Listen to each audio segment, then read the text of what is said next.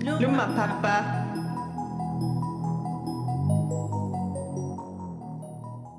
Minns ni 80-talsklassikern Wall Street från 1987? Mitt i yuppie-eran släpptes filmen som fångade tidsandan i finansvärldens New York. I samband med filmen blev Gordon Geckos ledarskapsmotto “Greed is good” populärt. Undrar hur Michael Douglas rollkaraktär hade stått sig i tävlingen Årets chef. Priset delas ut av tidningen Chef och syftar till att sprida chefers budskap om det goda ledarskapet. Vinnare 2020 blev i alla fall Håkan Lundstedt, VD för Synsam. I motiveringen kan man läsa att han är en chef som vitaliserar de branscher han verkar i, väcker engagemang och skapar innovation.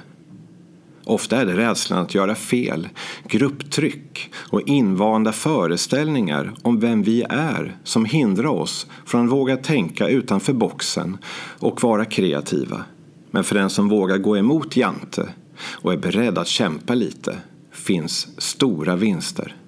Att tänka nytt och vara kreativ kan göra att vi upptäcker nya sidor av livet. Ofta maler vi på dag ut och dag in med samma rutiner, samma tankar och samma handlingar.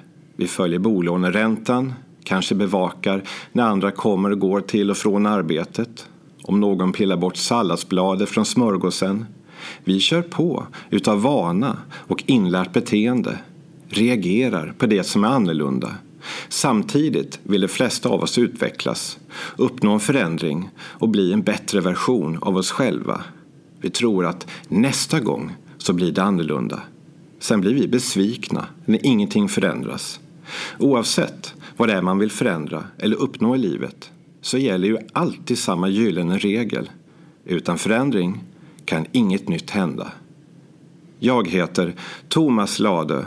Jag är utvecklingsledare i förvaltningen för utbildning, kost, kultur och fritid i Lomma kommun. Jag är gift och pappa till två barn. Ni kan kalla mig för Lomma-pappa. Jag älskar innovation och tänka utanför boxen och göra någonting som någon annan inte har gjort. Förändring är snudd på ett tillstånd. Galenskap är ju att göra samma sak om och om igen och förvänta sig olika resultat, konstaterade Albert Einstein för länge sedan. På mitt LinkedIn-konto har jag skrivit följande. Med utgångspunkt i forskning och beprövad erfarenhet arbetar jag operativt och strategiskt för att höja kvaliteten i Lomma kommuns för och grundskolor. Jag arbetar dagligen med att hitta lösningar på komplexa problem, inspirera andra, samarbeta med många olika kontakter samt leda projekt och komplexa processer. Tillsammans med verksamhetschefer och rektorer arbetar jag på en övergripande nivå och leder kvalitetsarbetet. Och i det här avsnittet medverkar en kollega och nära vän. Han är verksamhetschef för Lomma kommun. Jag vill påstå att han är en mycket bra ledare. Han har medvetet arbetat med rektorernas ledarskap, arbetsplatskultur och sett till att gruppen ser sig som ett team. Och vad som gör team framgångsrika blev Google nyfiken på. Googles HR-avdelning bestämde sig för några år sedan att sätta fingret på vad som gjorde team framgångsrika. Under två års tid genomförde de över 200 intervjuer med ett stort antal medarbetare och kom fram till att framgångsrika team känner sig trygga att ta risker och vara sårbara med varandra. Och det sistnämnda, med att vara sårbara med varandra, är långt ifrån en självklarhet i organisationer. Och det kanske är så Ronnie Wood, Charlie Watts, Mick Jagger och Keith Richards fungerar. De bjuder in till varandras känslor, är kreativa, innovativa, når ny publik. The Rolling Stones har ju varit igång sedan 1962 och är ett av världens mest framgångsrika rockband. Som förälder bedriver man också ett ledarskap. Alla som gett sig på att uppfostra barn har väl någon gång önskat sig en mirakelmedicin för det fläckfria föräldraskapet. Ni vet det där som så många visar upp på Instagram. Och är det överhuvudtaget möjligt att sätta evidens på vägen till familjelycka? Mycket handlar nog i slutändan om att vägleda sina barn till trygga individer. Och barn är så duktiga på att leva i nuet. Och där har nog många vuxna något att lära. Det är säkert allt för många som sitter och funderar på vad som kommer hända och hur ens liv kommer se ut om två månader, ett halvår eller kanske till och med om ett år. Det är nu som vi lever, som min storebror brukade säga. Och dessutom lever du bara en gång, som den svenska gruppen Noise sjöng. Och vem bryr sig om småsaker då? Inspireras istället av Hasse Karlsson och basisten Theo Thyréns text. Du lever bara en gång och den gången är nu. Finns bara en som vet hur du ska leva och det är du. Sitt inte hemma och vänta på att något ska hända. Nej, häng med ut ikväll. Alltid hittar man på någon grej. Vi drar någonstans och dricker en flaska vin. Kanske stannar någonstans och lyssnar på ett band. Men då, när allt är slut, vad har jag fått ut? Men jag vet att det är någonting. Nu tackar jag för mig efter tio avsnitt. Över till er, Eva, Johanna och Thomas. Ta-ta!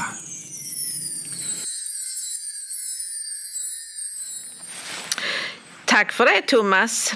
Uh, ja, nu sitter vi här med vårt sista avsnitt Johanna. Ja, gör vi. Uh, och vi har under de här tio avsnitten, eller nio avsnitten så har vi pratat med många kloka, duktiga personer. Mm. Och som vi sa, vi har sparat det bästa till sist, eller vad sa vi? Ja, absolut. uh, vi har idag en speciell gäst, en inspiration till oss, vår chef Thomas Kvist.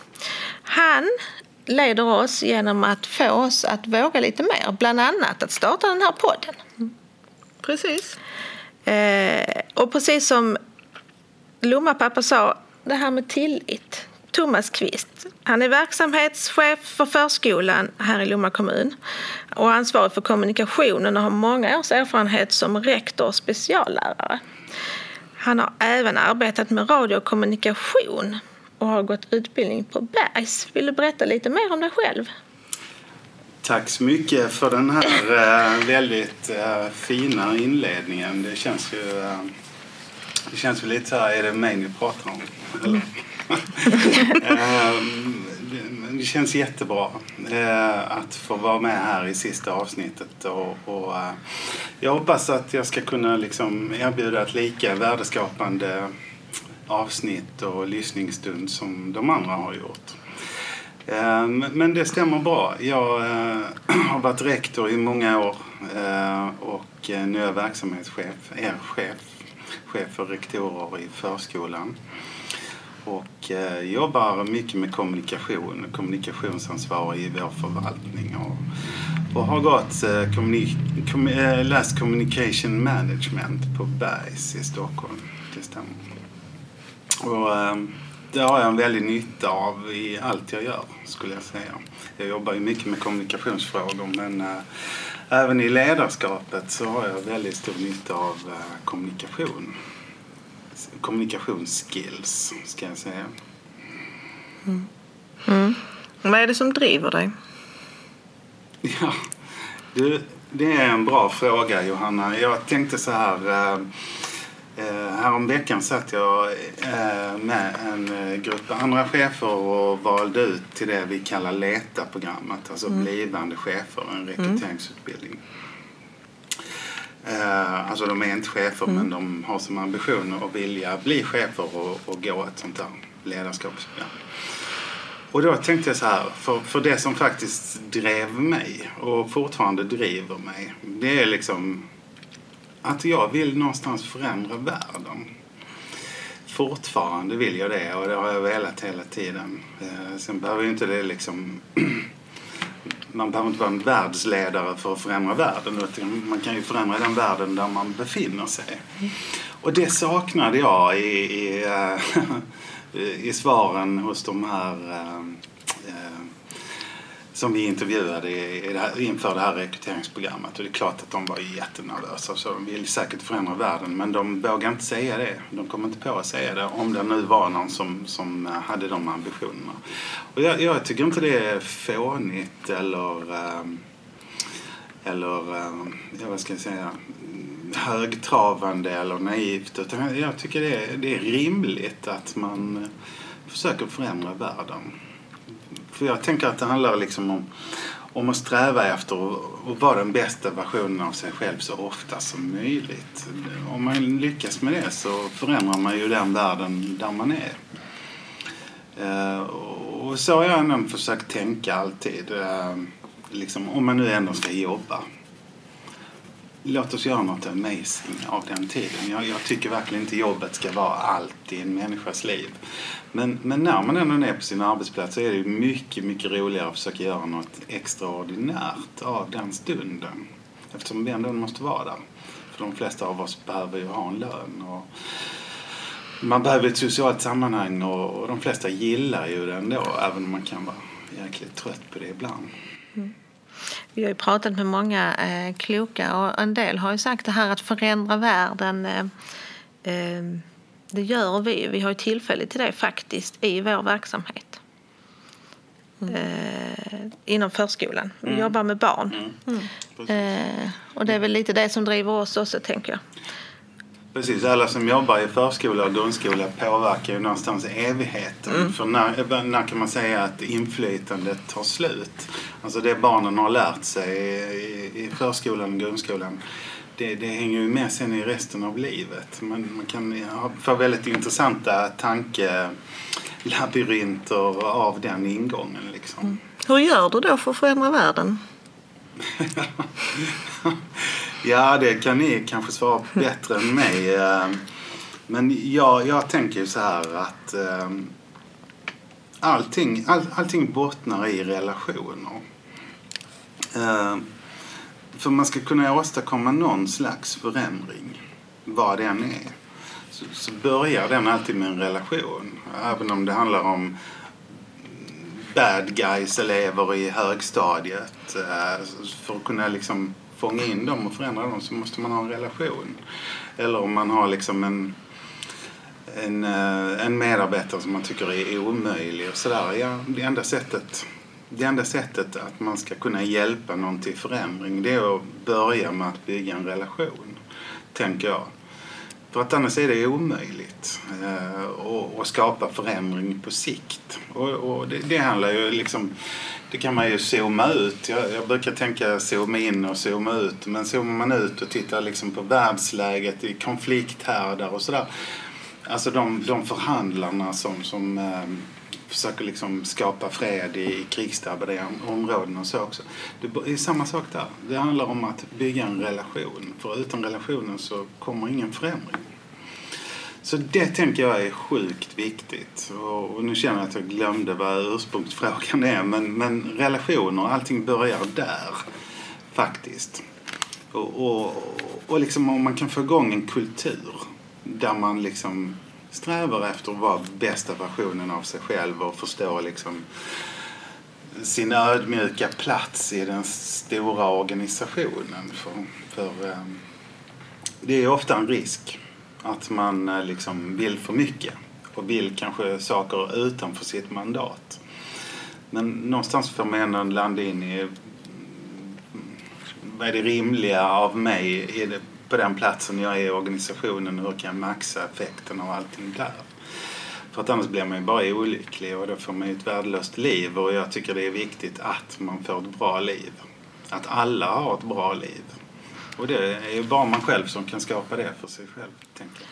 Och det, äh, när vi, när vi, har våra, vi har ju ledningsgrupper med dig mm. emellanåt och du är vår chef och vi har diskussioner. Och det är ju bland annat du som fick oss till att tänka in i framtiden. Gör vi rätt saker med barnen? Men för, för mig äh, är det mycket värdegrund när jag tänker på ditt ledarskap. Hur tänker du kring värdegrund? För det är ju det vi pratar om nästan mest i skola och förskola. Mm. Ja. Och ledarskap och värdegrund. Ja, jag, jag gillar ju att uttrycka mig på så här engelska och sådär. Jag, jag, jag, jag tänker mycket good guy. Jag tycker det är viktigt att vara en good guy. Ja, liksom. Alltså, man var snäll. Precis, att vara snäll. Alltså snäll är det nya svarta. Mm. Definitivt. Jag, jag tänker att eh, vi vet ju inte, men troligtvis har vi ett enda liv. Det är i alla fall det vi vet om att vi har. Och, och det tänker jag att det är ju helt jävla värdelöst om man inte är snäll i sitt enda liv. Alltså, det måste vara ett fundament ju. Att man är en good guy och vill väl och vill andra väl. Annars tycker jag man har liksom använt sitt enda liv. Men man kan ju bli förbannad eller irriterad på någon och sånt. Och då tänker jag lite självledarskap i det. Hur gör man för att Ja, alltså, vända det? Hur gör du? hur jag, alltså, jag tänker så här att det, det finns ju bara... Egentligen kan man bara förändra en enda människa och det är sig själv. Så man måste jobba sjukt mycket med sig själv och sina demoner och gå till botten med vem man är och vad man vill och varför man vill det liksom. Eh, Jag tror att ska man liksom lyckas på riktigt så måste man jobba med sig själv väldigt mycket. Och vilka Och redskap klart använder du då? Ja men det är klart att jag eh, liksom får bryt också just klart. Alltså jag är inte, jag är ingen übermänniska. Nej, men jag tänker vilka redskap använder du? För du måste ju använda några redskap som du har lärt dig för att hantera tuffare men, situationer. ja, men det- dels har jag ju, precis som jag vet att ni har utbildning i lösningsfokuserad, mm. lösningsfokuserat ledarskap och, och självledarskap. Det, det, det är väldigt förlösande. Eh, eh, att, att, eh, att, att jobba lösning, alltså tänka lösningsfokuserat och föra sitt liv lösningsfokuserat. Och det är ju en, liksom en modell eh, egentligen som, som är ett helt annat program. Men jag har ju haft en podcast tidigare som heter Skånska skolpodden och där finns ju ett avsnitt eh, med GB Wallström som handlar just om eh, om lösningsfokus. Om någon som lyssnar och som är intresserad kan ju, kan ju lyssna på det avsnittet och få veta vad lösningsfokus är. Men, eh, men sen är det ju liksom, alltså, jag, jag tror man måste faktiskt vara så pass banal att man tänker liksom, att man bygger sitt liv. Om jag nu behöver ha vissa kläder och jag behöver liksom äta någon viss mat och alltså do the shit you have to do liksom.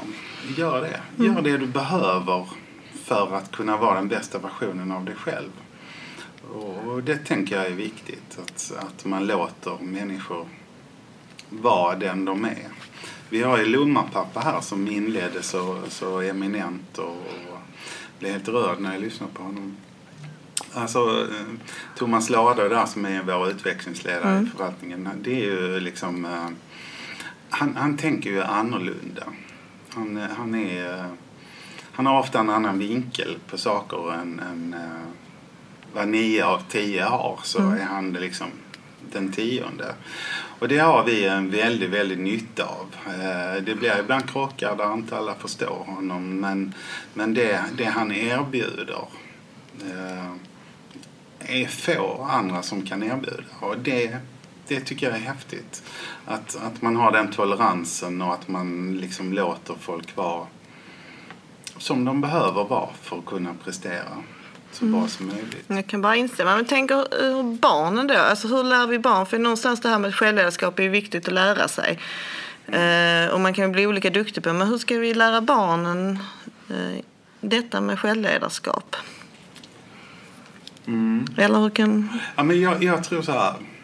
Att, att barnen måste få bli de de är tänkta att vara eller de de vill vara. Alltså jag tror tolerans är sjukt viktigt.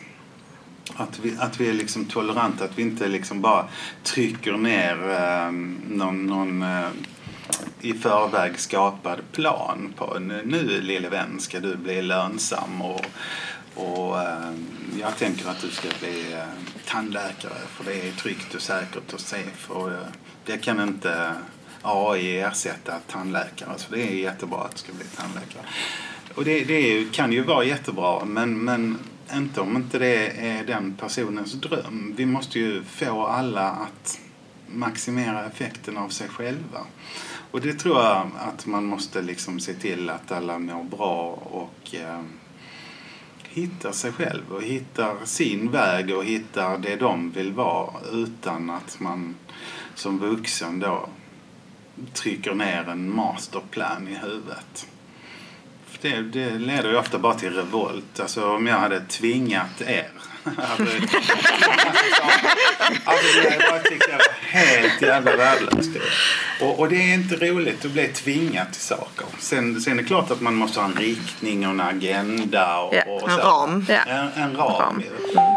För, den, för den ramen skapar ju... Den ramen skapar ju en trygghet. Det är ungefär som man säger att att, att för att man ska kunna känna av begreppet frihet så måste det finnas gränser. För att annars finns ju inte begreppet frihet. Och lite så är det ju här också liksom att, att det måste finnas en riktning och en ram för att vi ska liksom Alltså min erfarenhet är ju att varken eh, vi vuxna eller barn mår bra utan ramar. Nej. Vi behöver ju det. Ja, precis. Och det är en del av vår värdegrund också. Ja, exakt. Eller hur? Exakt. Men en sak som du, du är väldigt duktig på, tycker jag, eh, i ditt ledarskap är ju det här med tillit. Mm. Och ha tillit till barn. Hur tänker du där? Hur lär man barnen tillit? Eh, Hur lär vi oss tillit? Men det, det här... ehm, Alltså nu har jag ju varit chef i 17 år. Eh, och, och jag skulle säga att det ni nu känner att åh, mm, Thomas är så bra på att visa tillit och, och sådär. Ja, det hade ju inte de sagt som eh, hade mig som chef för 17 år sedan. Nej. Utan Nej. det är ju liksom eh, något jag har liksom Alltså man blir ju bättre och bättre och man utvecklas och, och man tror ju liksom att eh, det är lätt att tro. Ni, ni träffade ju Joakim Jardenberg. Han pratade om mm. Dunning-Kruger-effekten. Jag vet inte om han gjorde det Jo, avsnittet, jo, men han brukar prata om den ju. Och det är liksom när man precis har fått, kommit in i något nytt och, och liksom fått lite kunskap så har man sjukt stort självförtroende. Man har alla svaren, alla, hela facit. I know this shit liksom. Men sen ju mer erfarenhet man får desto mer inser man att, eh, att man inte vet så himla mycket. Och sen vänder ju den kurvan uppåt igen ju. Så att det handlar väl om att man blir trygg som ledare. Och, och det är också en sån viktig grej. Vi pratar ju liksom snällhet och sådär.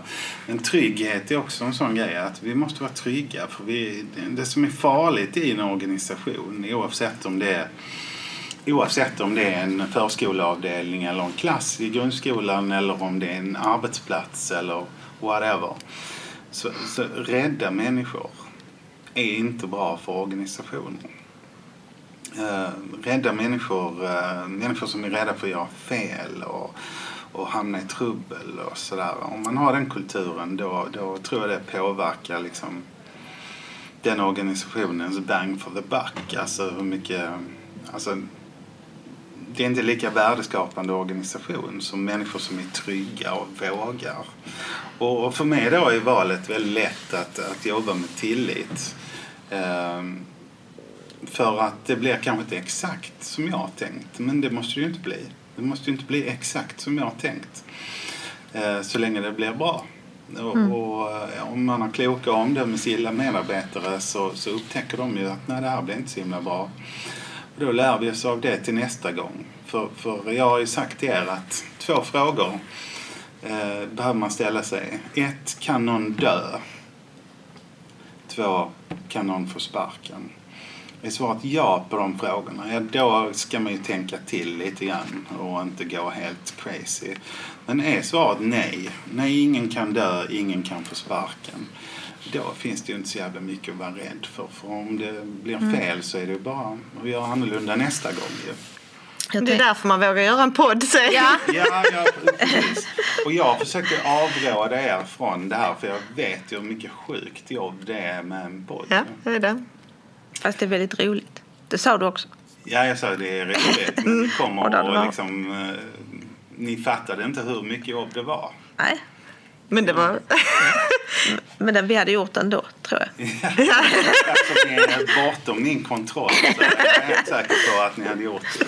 Men jag tänker Men det det. som du sa Johanna innan vi började spela in här att, att ja, det har varit sjukt mycket jobb men det har ju gett oss mer än vad det har tagit. Liksom. Mm. Det ger en annan, en annan ände som gör att man liksom orkar mer. För att även om det tar tid, och vi har ju fått lägga privat tid på detta naturligtvis. För det, men eh, det ger en annan ände som gör att man får energi. Ja. Och ni levlar och ni blir inte de samma som innan detta. Och det, det är ju rätt häftigt när man får den möjligheten på en arbetsplats. I den bästa av världar så får alla människor på alla arbetsplatser den möjligheten att, att, eh, att testa och, och levla i sitt tänk. Liksom. Det tycker jag är viktigt. Det ty- tycker jag är allas, alla, alla chefers ansvar att försöka skapa det inom ramarna och riktningen naturligtvis. Men att försöka skapa det för sina medarbetare.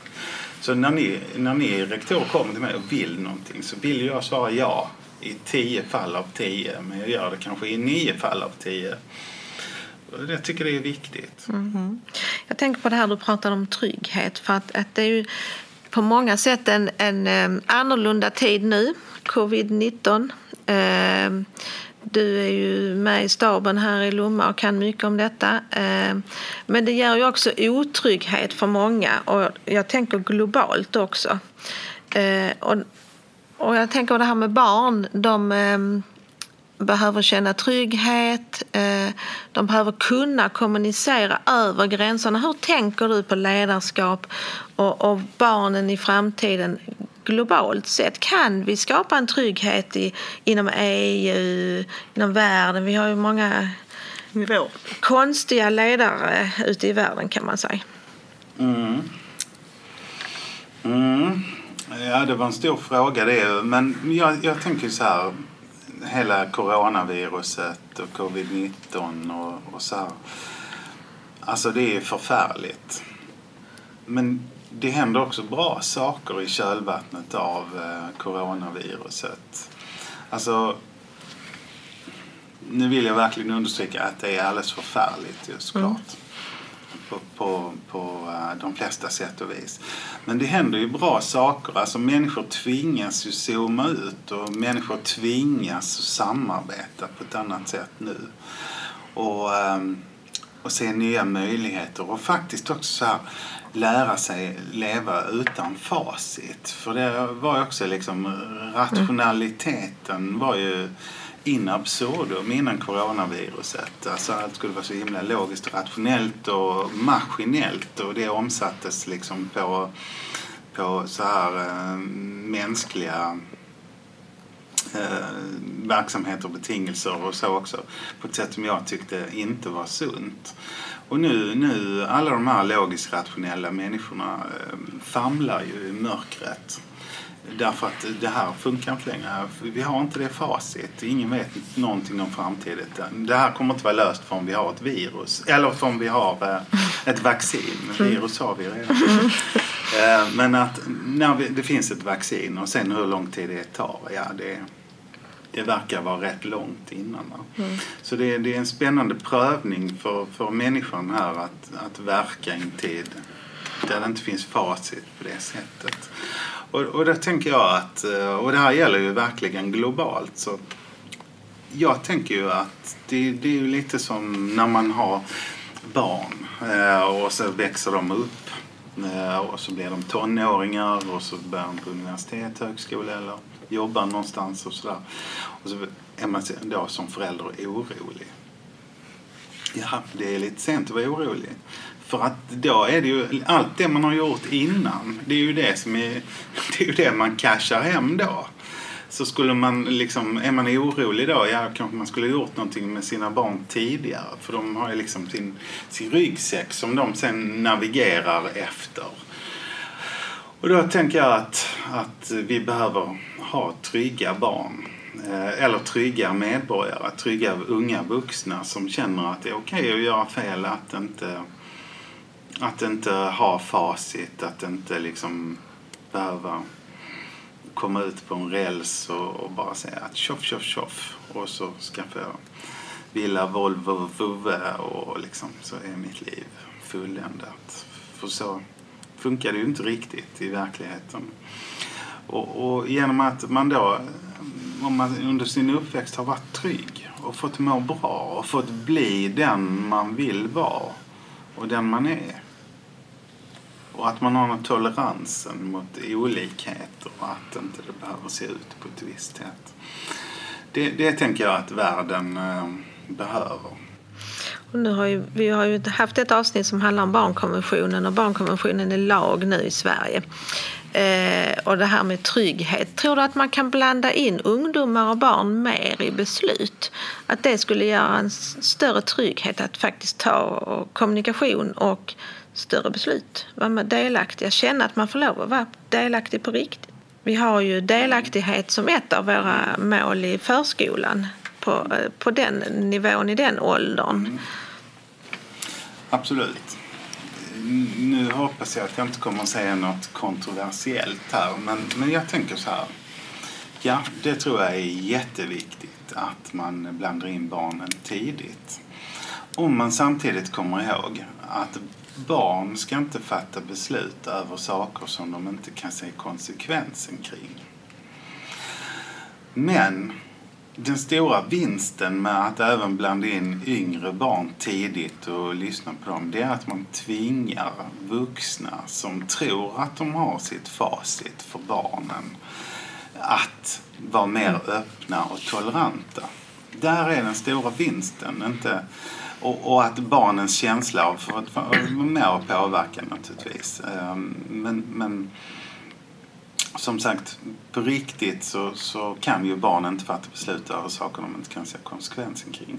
Men, men genom att vi har de formaliserade strukturerna så, så tror jag att barnen mår bättre. Därför att man tvingar då eh, vuxna som kanske inte har den, den mest toleranta synen på barn att, att få en mer tolerant syn i alla fall. Att bli lyssnad på på riktigt. Precis.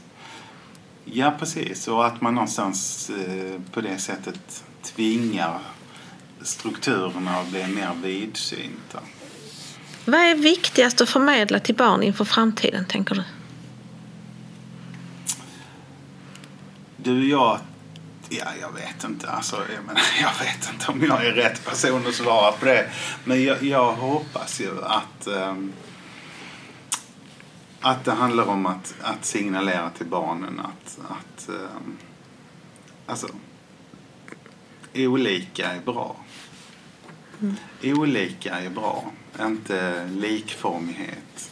Alltså mångfald före enfald. Eh, det tänker jag är jätte, jätteviktigt. För vi vet ju hur förfärligt det är att vara tonåring.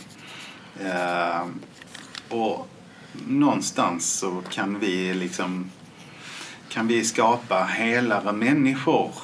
Det är därför detta är så sjukt viktigt med, med framförallt förskolan men även grundskolan. Alltså att, att skapa hela människor.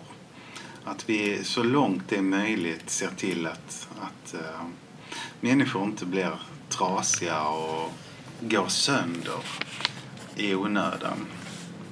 Och där har vi en, en stor och viktig roll, tänker jag. Att, att se till att alla mår bra. För att det är ju stora samhällskostnader för eh, barn som växer upp till, till vuxna som inte mår bra. Mm. Alltså det är ju Ja, för den enskilda är det ju också katastrofalt. Ja. Det, det är ju liksom det är ju vårt stora varför. Varför går ja. vi till jobbet varje dag? Mm. Mm. Det är väl därför. Ja. För att ja. se till att alla barn, i det här fallet i Lomma kommun, ska så långt det är möjligt ha en så bra uppväxt som möjligt. Det är så vi vill förändra världen, eller hur? Mm. Ja, men exakt. Och det gör vi ju faktiskt mm. varje dag också. Mm. Och ni har tagit ett steg till, så alla som lyssnar på den här podden får ju liksom sprider ner era tankar mm. och ert patos till. Det är ju skithäftigt, verkligen. Mm. Nej, det är häftigt att jobba i skolans värld på det sättet. För mm. man har en möjlighet att påverka. Ja. Alltså, vi tänkte lite så här att vi skulle summera lite av avsnitten. Har du något speciellt som du har tagit med dig från något av avsnitten som du har tyckt var extra tänkvärt eller funderat kring? Alltså jättemycket faktiskt från alla avsnitten så tycker jag, jag tycker det har varit eh, väldigt värdeskapande att lyssna på. Och jag tycker också ni, ni, ni alltså jag blev så imponerad av er när ni liksom, ja men det, Jardenberg, ja men det är klart vi ringer honom och, och, det är klart att vi bokar in med honom och David J.P. Phillips, ja ja men det är ju inga problem, eh, han eh, bokar vi in tid med liksom. Och det trodde jag liksom aldrig att ni skulle liksom palla och faktiskt göra. För det är ju lätt att snacka och det är lätt att ha liksom, bilder av vad man vill. Men att sen faktiskt göra det, det är jag sjukt imponerad att ni har gjort. Och det är liksom två stora stjärnor. Ni hade Tarek Taylor. Um, ni har haft lite celeb-status på gästerna också. Och det är klart att de, um, de har haft spännande infallsvinklar. Jag kan ju liksom önskar att jag hade gjort som Tarek Taylor sa med, att man skulle göra med barn. Med mina barn så hade jag sluppit göra liksom en massa mm. olika maträtter. Mm. ja. ja. Fast min lärdom av det var ju inte samma då min man lyssnade på avsnittet och hade en hel fritidsgård hemma hos oss som hade låtit dem gå loss i köket utan att städa efter sig. Det glömde den lilla detaljen. Tack för det Tarek. Uh, nej, men uh, jag tycker jag är imponerad av uh, Simrishamns kommun. Mm. Uh, Sofie Jonasson som ni träffade. Mm. Hur, de, hur de har liksom inrättat en lokal barnombudsperson. Sofie Jonasson mm. då. Att, att de jobbar så sjukt bra med att värna barnens perspektiv och barnperspektivet väldigt tidigt och i alla mm. förvaltningarna mm. genom att ha en specifik tjänst för detta. Och hon känns ju väldigt, väldigt rätt för det jobbet. Eh, nej, jag, jag, jag, jag har kört och liksom mm. take a pick för, för det har gett mig väldigt mycket. Mm. Alltså en sak som jag har funderat på, och det var efter vi träffade Jardenberg, att just det här att titta mer i samtiden, inte bakåt men i samtiden för att förstå vår framtid. Hur tänker du kring det? Ja, det funderade jag mycket på äh, när han sa det. Och han har naturligtvis rätt i det naturligtvis för det är en man som verkligen har tänkt till och, mm. och som har tänkt på djupet. Alltså, men det, det, det, det, här, det här behöver man jobba med. Alltså, vadå samtiden? Men, men det handlar väl lite där, tänker jag, om att faktiskt inte bara snacka så jävla mycket utan att göra. Att göra, att fånga möjligheterna nu för att förbättra sen. Mm. Och det, det tycker jag ni är levande exempel på där ni liksom fångar samtidens möjligheter och ser till att liksom maxa effekten av den här podcasten till exempel.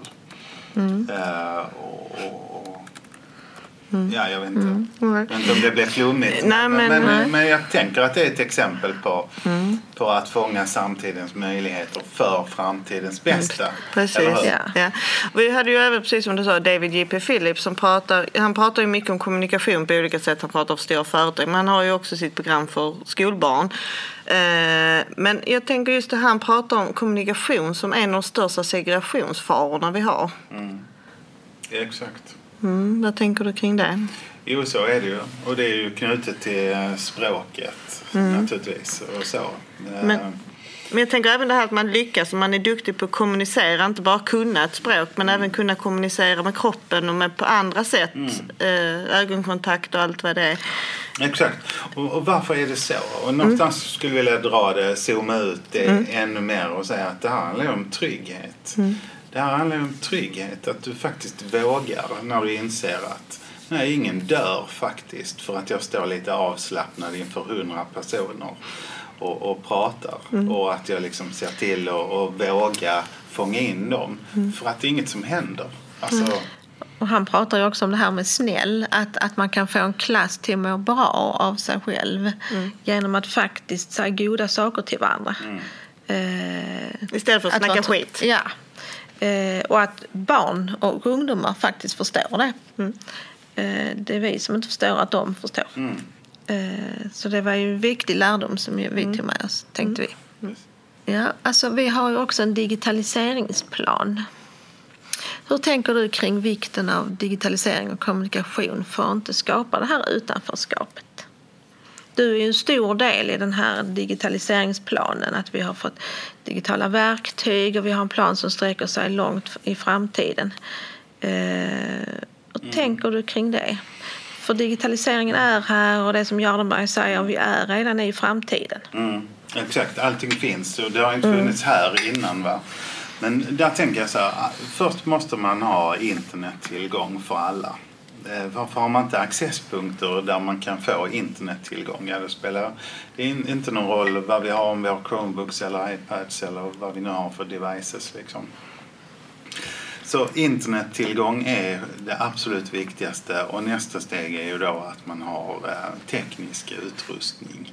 Och vilken teknisk utrustning det är, det är inte särskilt intressant så länge den är ändamålsenlig.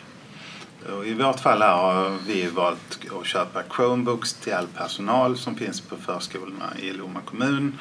Och sen har vi då iPads ute i verksamheten därför att ja, det var verksamhetens önskemål att det är mest cashback för barnen mm. att jobba med det. Mm.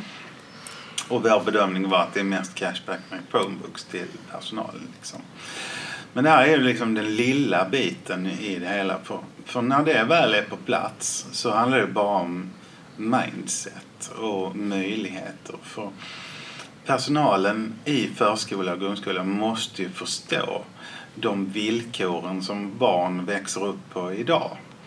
Och det kan man inte göra utan att vara en del av det. Alltså att, att känna till. Eh, att, att känna till de ställena som barnen hänger på, på, på nätet och, och de digitala mötesarenorna som finns och, och um, det digitala kommunikationssättet och den, den mediekonsumtionen som barn och unga har. Det är faktiskt rimligt att personalen i förskolan har koll på detta. Mm. För um, det finns ju inte en enda, alltså det finns inte många barn och ungdomar som tittar på tablå-tv idag till exempel. Men kanske många ur den äldre generationen som gör det. Men, men de tittar ju knappt ens på tv. Möjligtvis serier mm. på Netflix och så. Annars är det ju Youtube. Mm. Och, och influencers på olika sätt som, som de uh, följer. Och, det är viktigt att förstå, för de bygger ju en världsbild på det. Och det är klart att uh, förskolan och skolan ska vara en motvikt till den världsbilden. Men vi kan ju först vara en motvikt till den världsbilden om vi känner till vilken världsbild de har. Så det där, det händer någonting i mindsetet hos människor som sätter sig in i, i det här. Hur, hur barn tänker och har det. Ja, och det är inte säkert att vi behöver vara en motvikt för det är mycket bra. Den här delarkulturen, det är mycket bra saker på, ja, på nätet. Absolut. jag tänker också på de här AppGap, att, att, att vi har det har ju Susanne Kjellander som vi också hade med i vår podd mm. sett att, att vi faktiskt inom förskola och skola smittar av oss på hemmen eh, just i att vi har kvalitativt eh, höga verktyg mm. till barnen. Mm. Och det smittar av sig till hemmen. Mm. Så en utjämnande effekt så också. Sen tänker jag också att det har eh, ett stort värde att man har en digitaliseringsplan som sträcker sig långt fram i tiden. Eh, vad det står i den är inte så intressant som att man signalerar att när, de här, när den här befintliga tekniska utrustningen blir gammal, mm. då kommer det köpas in ny. Det här är inte en fluga eller en tillfällig grej. Och det signalerar man också med ett sånt dokument. Att när det har gått tre eller fyra år, vad man nu har bestämt i den organisationen där man jobbar, då kommer det köpas in ny. Mm. Och då visar man på en långsiktighet och det sänder signaler om ett förväntansläge där man faktiskt inte kan stå utanför detta utan det är något arbetsgivaren förväntar sig mm. att man kan som personal.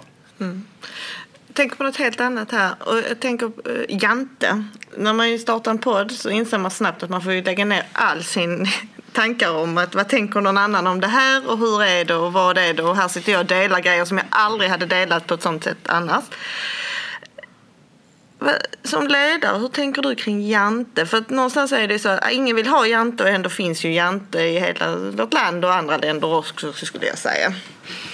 Ja du. Um jag har mött mycket jante. Alltså det är tyvärr så att, äh, att när man vill någonting, när man mm. gör någonting annorlunda eller när man vill någonting då, då finns det alltid någon jävel som, som, som tycker det är drygt mm. och, och tänker vem fan tror han att han är eller mm. Mm. vem fan tror hon att hon är liksom. Eh, och det är klart att det är skitjobbigt. Ja. Och ibland, eh, särskilt när man, man är ny som chef eh, sådär, så, så vet man vad man vill men man, har, man kan inte göra det. Det kommer jag ihåg att jag kände när jag blev rektor 2003. Liksom. Jag kände så här, fan det här kommer jag bli jättebra på. Men jag är inte det nu och jag vet exakt vad jag vill. Men jag är inte bra. Jag är inte så bra som jag kan vara nu. Därför att jag, bland annat kände jag att jag kan inte, allting verkar lika viktigt. Jag kunde inte värdera mm. allt som mm. kom. Och då blev det ju liksom bara att man gjorde allt och det går ju inte. Så man måste ju lära sig värdera och sådär. Så, äh, ja. Vad pratar vi om? Jante. Ja, Jante, precis. Ja, men då, då blir det ju, äh, då blir det ju sådär att att det finns ju vissa människor, och det här är ju inte de flesta, men någon som tänker att vem fan tror han är? Alltså man upplevs för mer för att man vill någonting annat. Och, och, och det där har jag aldrig riktigt fattat för att jag vill ju ingenting på någon annans bekostnad. Mm. För det är inte så sympatiskt om man vill liksom sko sig på någon annans bekostnad. Det där gillar inte jag heller. Men om man bara vill någonting utan att någon annan far illa av det. What's not to like liksom. Det, det har jag alltid haft svårt för. Men jag har mött det jättemycket och då bestämde jag bara mig för att skita i det. Att tänka att det är inte jag som har det här problemet. Mm. Uh, utan det får ju stå för de som reagerar på det. Mm. Uh, men det går ju inte utan att jobba med sig själv naturligtvis. Mm. För jag har ju fått jobba jättemycket med mig själv genom åren just såklart. Och det tror jag alla får göra som, som vill någonting. Mm. Om man ska komma någon vart. Mm, tror jag också faktiskt. Mm. Mm. Jag tror att vi ska börja summera. Ja, det tänker jag också. Vi tackar för det här Thomas. Jag håller med om att snäll är det nya svarta och vi vill ju alla förändra världen. Det är ju någonting vi verkligen vill. Och det här med relationer är ju superviktigt. Inga, utan relationer så kommer vi ingenstans. Vi vill också tacka våra lyssnare för att detta har varit otroligt lärorikt för oss att göra en podd. Eh, både rent tekniskt och vi har stött på många hinder på vägen, ska gudarna veta. Eh, och just som jag sa, det här jante fick man bara lägga till sidan och sen kom man på hur roligt det var att dela och få likes ja. och följa statistik ja. och annat och då är det jättekul. Eh, och det är ju kanske inget som syns utåt men vi själva har ju haft mycket diskussioner i olika messenger-trådar för att kunna driva detta. Eh, och det har gett oss många tankar, både privat och i yrket hur vi tänker vidare. Så tack för att ni lyssnar. Ja, och vi vill säga tack till Lomma pappa. Ja, det Han måste har faktiskt säga. hjälpt oss mycket i det här. Och jag vill också summera lite. Jag, du sa någonting som var väldigt bra tyckte jag. Olika är bra och mångfald före enfald. Det tar jag med mig. Det är riktigt bra råd tycker jag. Mm. Och jag vill tacka er för, äh, inte bara för att ni valde att avsluta med mig äh, Eh, utan för allt det ni gör. Eh, och alla de här avsnitten och att ni liksom ni ger mig hopp och inspiration. För jag blir sjukt inspirerad av ert driv och ert engagemang. Och liksom, när man känner så här, fan vad allt är drygt, så, så får jag kraft av att se ert engagemang. Så jag tycker det är häftigt. Mm. Så keep up the spirit. Mm. Tack så mycket. Tack så mycket. Tack.